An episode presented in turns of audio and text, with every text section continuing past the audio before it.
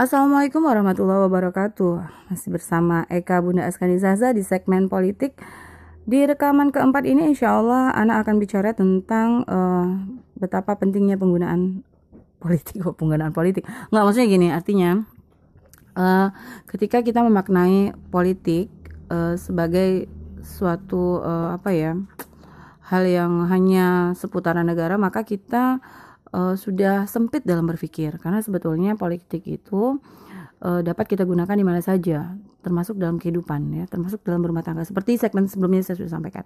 Nah mungkin uh, teman-teman pernah mendengar uh, tentang keberhasilan uh, Rasulullah menaklukkan Mekah tanpa setetes darah cuy. Bayangkan. Kita kan tahu ya namanya kita ingin uh, menguasai sesuatu itu biasanya kan uh, harus ada apa ya perebutan pertempuran dan sebagainya. Nah itu itu mereka mereka yang berpikiran uh, apa ya barbar dan lain sebagainya gitu deh.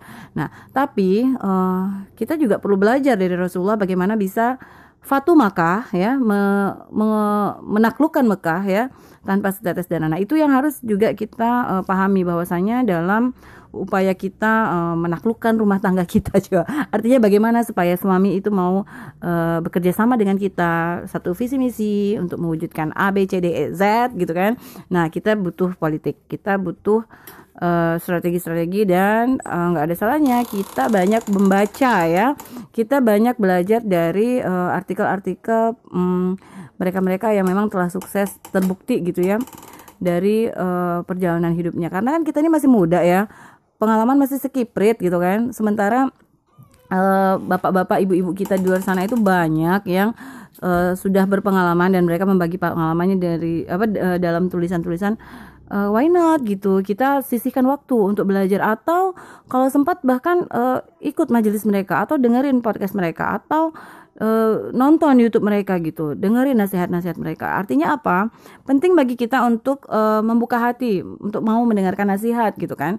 Kalau memang kita ingin kehidupan kita ke depannya itu menjadi lebih baik. Karena memang apa kata Allah dalam uh, Quran surat Al-Asr itu kan kalau kita ini sebenarnya merugi gitu. Lalu siapa yang beruntung? Yang beruntung itu adalah mereka yang saling ingat mengingatkan dalam kebenaran dan kesabaran dan saling menasehati saling nasihat menasehati. Nah artinya kalau kita nggak mau dinasehatin dan kita nggak mau terima apa kata orang, kita tutup telinga, nggak usah heran ya hidup kita payah banget.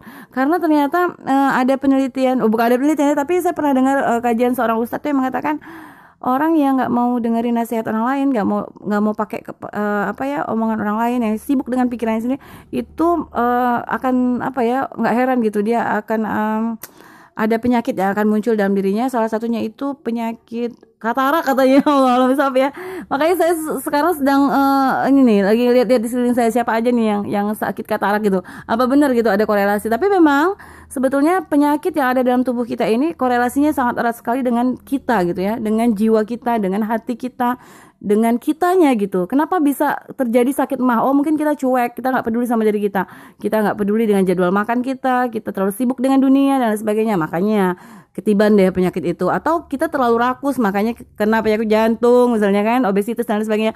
Artinya memang saya sepakat sekali antara penyakit dan makanan itu sebetulnya ada korelasi yang sangat erat. Tapi yang tidak kalah penting adalah perihal hati ya. E, masalah hati. Ketika hati kita sehat, bersih, ketika hati kita uh, apa namanya? Mudah menerima kebenaran, kemudian uh, enak gitu kalau terima nasihat gitu kan, selalu bersemangat untuk memperbaiki diri dari uh, dari hari ke hari, maka insya Allah uh, kemungkinan-kemungkinan menjadi lebih baik ke depannya itu termasuk perihal fisik ya, itu sangat-sangat mungkin sekali. Makanya banyak yang harus kita benahi dalam hidup.